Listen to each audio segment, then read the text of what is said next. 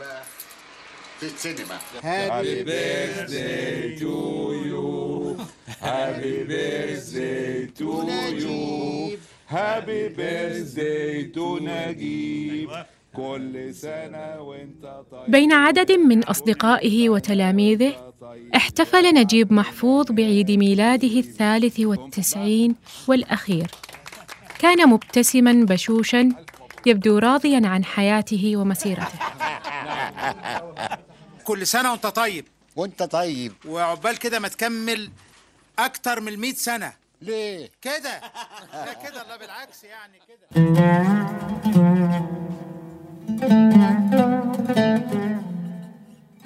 أهلا وسهلا بكم في الموسم الأول من بودكاست السارق والذي نتناول فيه مجموعة من أهم الروائيين الذين أثروا في الروائي العربي المعاصر. نتحدث فيه عن تقنياتهم الروائية كيف كتبوا وما هي أدواتهم في حرفتهم. حرفة الرواية.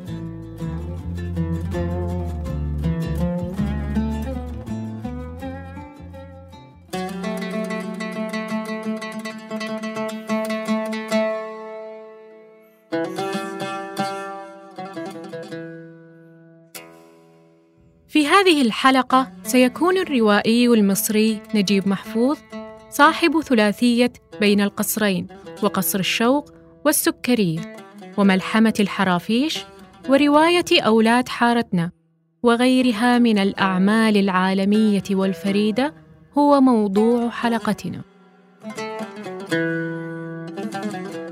قيل أن أمه تعسرت في ولادته ولم يكن مستساغا أن يحضر طبيب رجل من أجل الولادة لكن والده أصر وأحضره. وحين خرج المولود إلى الحياة سماه على اسم هذا الطبيب نجيب محفوظ. ولد عام 1911 وعاش في مصر طيلة حياته.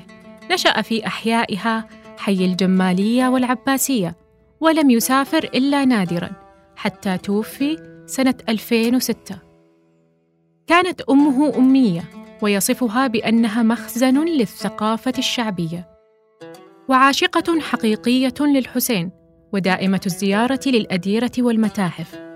عمرت للمئة ولم تذهب يوما للطبيب. أما أبوه فكان موظفا حكوميا بسيطا ثم عمل بالتجارة وتوفي قبل أن يقرأ رواية ابنه الأولى. كان والده يتمنى أن يلتحق ابنه بكلية الحقوق أو الطب مثل النابغين في ذلك الوقت وأصحاب الوجاهة في المجتمع. لكن نجيب محفوظ التحق بقسم الفلسفة بكلية الآداب وعمل كموظف متنقلا بين عدة جهات حكومية لمدة 37 سنة. هذه الوظيفة أخذت نصف يومه طيلة تلك الفترة. وكان يتمنى لو أنه قدر على التفرغ الكامل للكتابة. برغم هذا فقد كتب ما يقارب الخمس وخمسين عملا روائيا ومجموعات قصص قصيرة بالإضافة إلى عدد من السيناريوهات التي كتبها للسينما.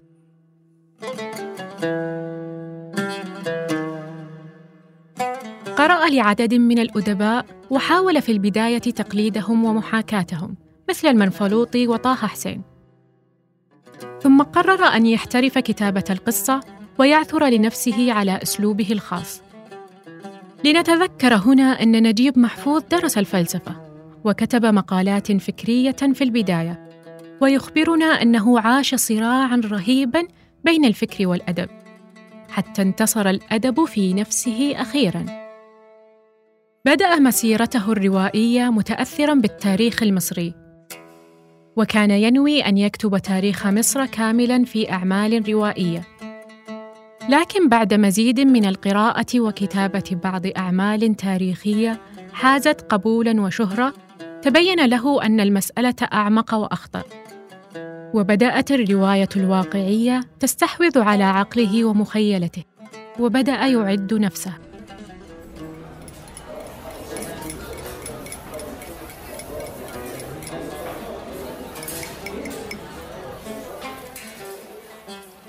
في تلك الفترة كنت أجلس في المقاهي أتابع تفاصيل الحياة اليومية وحكايات الناس لأن الواقعية تقتضي الاهتمام بالتفاصيل مهما كانت صغيرة. لم يكن الأمر يسيراً. لقد استغرق منه زمناً حتى يعي المتغيرات الاجتماعية في مصر. هذه التغيرات أدخلتني في حالة من التأمل والتفكير استمرت خمس سنوات. لم أكتب خلالها أي عمل أدبي. كتب في الرواية الواقعية خان الخليلي والقاهرة الجديدة وبداية ونهاية وغيرها انتهاء بالثلاثية عام 1957 وهي المرحلة التي ظهرت فيها حارة نجيب محفوظ وتأثره بأجواء حي الحسين القديم والحارة الشعبية. وجدت نفسي متجها لمصر المعاصرة. وللحارة المصرية بكل ما فيها من مشكلات وقضايا وهموم ونماذج إنسانية.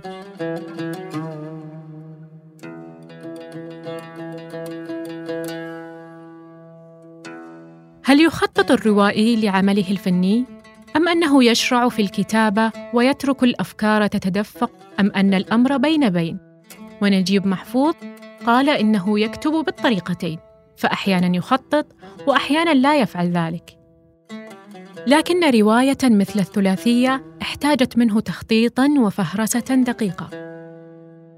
بين القصرين وقصر الشوق والسكرية هذه هي الثلاثية وهي أكثر رواياته الواقعية شهرة واحتفاء وتداولا بين القراء. حين جاءته فكرة الرواية قرأ كثيرا وعاد بذاكرته وفتش فيها. إن مادتها عاشت معي منذ الطفولة. الناس الذين كتبت عنهم عايشتهم على فترات زمنية مختلفة من حياتي. والحكاية هي كيف كان يمكن أن أصب هذه التفاصيل في عمل واحد.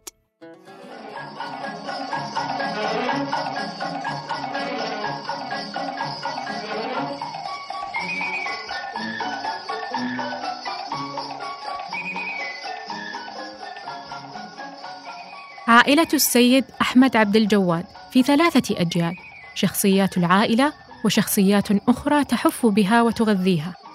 حولهم تدور الرواية أو أنهم هم ذاتهم موضوع الرواية. من أين جاءته فكرة هذه الشخصية التي عرفت بأيقونة سي السيد في المجتمع الشرقي؟ إنني أذكر هنا أسرة كانت تسكن في قبالنا. كان البيت مغلقا باستمرار. نوافذه لا تفتح ابدا. ولا يخرج منه إلا صاحبه. رجل شامي اسمه الشيخ رضوان مهيب الطلعة. كانت أمي تصحبني لزيارة هذه الأسرة. وكنت أرى زوجته. كنا نزورها ولكنها لا تزورنا لأنه غير مسموح بخروجها وكانت ترجو والدتي أن تتردد عليها. وحتى لا تختلط عليه الشخصيات لجأ إلى فهرستها وكتب صفات كل شخصية. الجسدية والبدنية والنفسية. يقول مازحا لقد كان هذا الفهرس ينفعني جدا. حتى لا أظهر البطل مرة بعينين سود وأخرى بعينين بمبي. كتب الثلاثية على مر أربع سنوات. يذهب إلى العمل صباحا ثم يعود في الظهر. يتناول وجبة الغداء ويبدأ حياته كأديب بحلول الرابعة عصرا. كان نصيب الكتابة من يومه ثلاث ساعات. أما يوما الخميس والجمعة فكان يتجول في المقاهي والشوارع لينعش ذاكرته.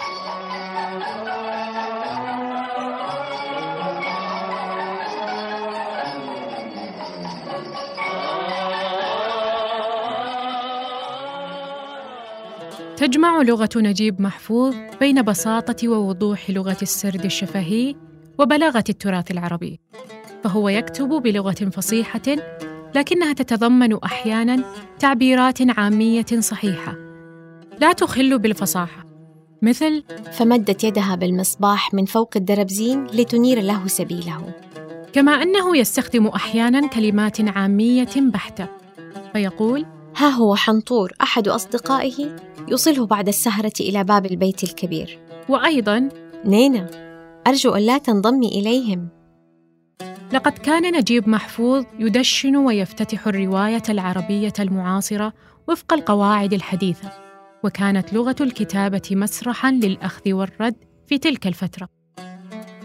توجهنا بسؤال إلى الروائية منصورة عز الدين عن الجهد الذي بذله من أجل تثبيت هذه اللغة الروائية. أم، أعتقد أن المدخل اللغوي من المداخل المهمة جدا لفهم نجيب محفوظ ولتقدير الدور الرائد الذي قام به فيما يخص الرواية العربية. فهو من أهم من قاموا بتطويع اللغة العربية الفصحى لمقتضيات السرد الروائي والقصصي وتخليصها من الصياغات الجاهزة والاسترسالات غير الملائمة لمنطق السرد وإيقاعه. ومن مزايا اللغة عنده تعدد مستوياتها وفقا لمرحلة الكتاب لمرحلة الكتابة من واقعية مثلا إلى المرحلة الرمزية إلى الملاحم ثم إلى المرحلة الأحدث يعني المتمثلة في أعمال مثل أصداء السيرة الذاتية. ففي البداية قد نرى اللغة الكلاسيكية البعيدة ربما عن الذائقة المعاصرة في بداياته. ثم بقراءة مرتبة زمنيا لأعماله يمكننا تلمس كيف لانت هذه اللغة مع الوقت لتكون مناسبة للأعمال الواقعية أو لغة ملحمية ذات حمولة صوفية في مرحلة أخرى.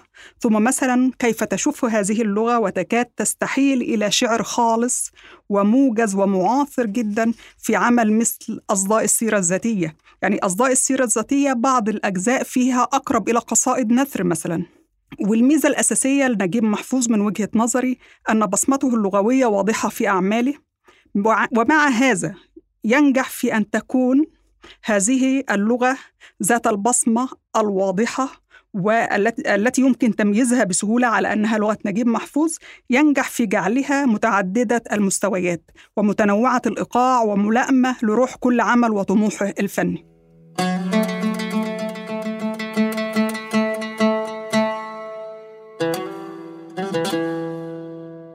ملحمة الحرافيش. هذا العمل الروائي الذي يعد من آخر أعماله والذي ألهم عدداً من الأعمال التلفزيونية والسينمائية.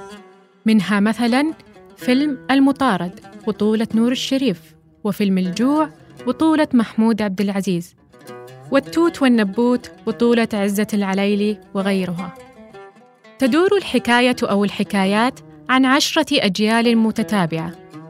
انطلقت من عاشور الناجي الذي بدأت الرواية بإيجاده لقيطا لا يعرف أصله مما يجعله نقطة بداية مناسبة للشجرة المتشعبة طوال الملحمة.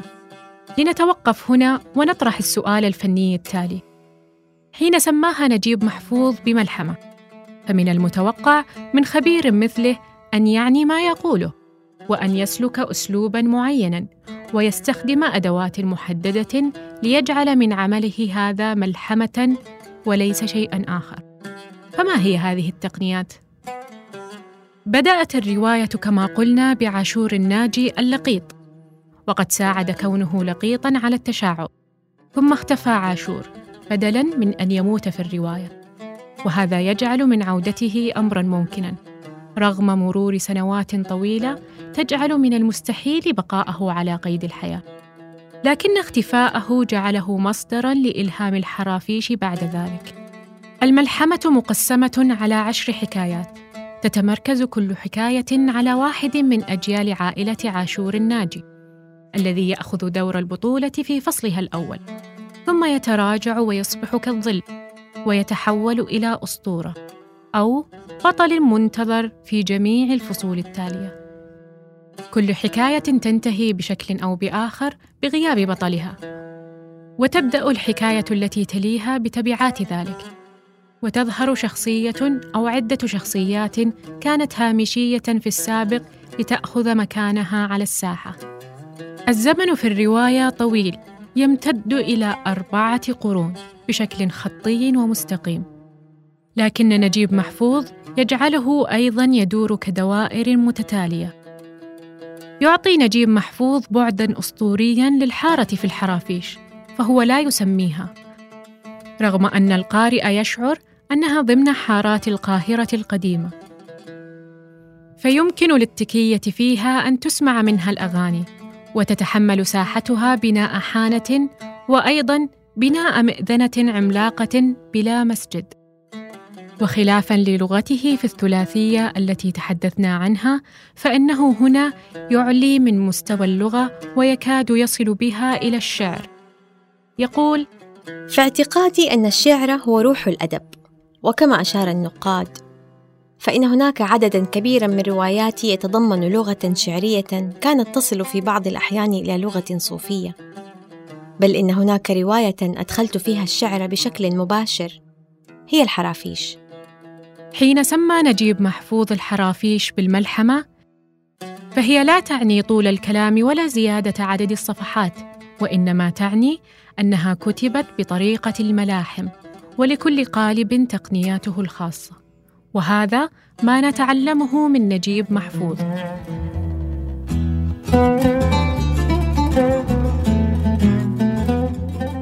الرواية صنعة ولكل صنعة قواعد وأصول. وبالممارسة تسقل المواهب. وبالكتابة المرة تلو المرة يعثر الكاتب على تقنياته وصوته الخاص. تم إنتاج هذا البودكاست بدعم من مبادرة دعم المحتوى بمركز الملك عبد العزيز الثقافي العالمي بالظهران إثراء. في الختام شكرا لضيفتنا الروائية منصورة عز الدين ولقارئة الاقتباسات الأستاذة داليا تونسي. وهذه تحية مني أنا خلود دباسي ومن فريق الإعداد في كولاج للفنون. وطابت أوقاتكم.